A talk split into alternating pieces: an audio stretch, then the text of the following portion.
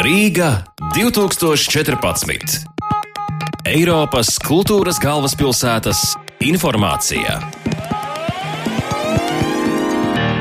Latvijas prezidentūras Eiropas Savienības padomē laikā 2015. gada pirmajā pusē turpināsies projekti, kas aizsākti Eiropas kultūras galvaspilsētas programmā. Latvijas prezidentūras Eiropas Savienības padomē viesi Latvijas Nacionālajā bibliotekā varēs apskatīt Rīga 2014 izstādi 1514 grāmata 2014. Līdz 1. martam Latvijas Nacionālā vēstures muzejā skatām izstāde Dzinters Baltijas jūras dārgakmens. Līdz nākamā gada 5. aprīlim Rīgas kino muzejā izstāde kinotrofejas. Rīga 2014 programmā tapusī Artūra Maskata opera Valentīna nākamā gada maijā tiks rādīta Berlīnas Vācu operā. Savukārt Latvijas dabas muzejā vēl visu nākamo gadu būs apskatāma pastāvīga ekspozīcija Dzinters laiku lokos.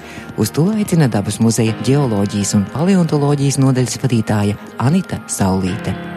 Īsnībā arī jau kopš seniem laikiem pasaulē ļoti daudzās citās pasaules kultūrās un valstīs ir šis Baltijas dzintars aizgājis gan uz seno Romu un Grieķiju, seno Ēģiptu un seno Divupju, uz seno Ķīnu, Sibīriju. Baltijas dzintars tiešām tas ir tas, kas ir atrodams mūsu teritorijās, tas ir gar Baltijas jūras krastu, kur izsens dzīvo baltu ciltis, un tās ir arī pasaulē bagātākās dzintara atradnes, un gluži loģiski arī mums tas asociējās ar tieši to, ko mēs atrodam pie mums. Tomēr pasaulē Baltijas dzintars nav nav vienīgais no fosīlo sveķu veidiem, un ir sastopams arī citās vietās pasaulē diezgan daudz, un kaut daļu no pasaules dzintariem tad arī mēs rādīsim šajā ekspozīcijā. Dzintaru, kas nāk piemēram no Dominikānas un kas dienas gaismā atspīd zilos un zaļos krāsu toņos. Dzintaru, kas nāk no tālajiem austrumiem, no Japānas, no kuģa atradnēm, kas ir tādā brūnīgsnējā, karamelīgā krāsā. Dzintaru, kas nāk no dienvidu Dienvidu Austrumāzijas un no senās Birmas valsts nes nosaukumu Birmīts. No Sumatras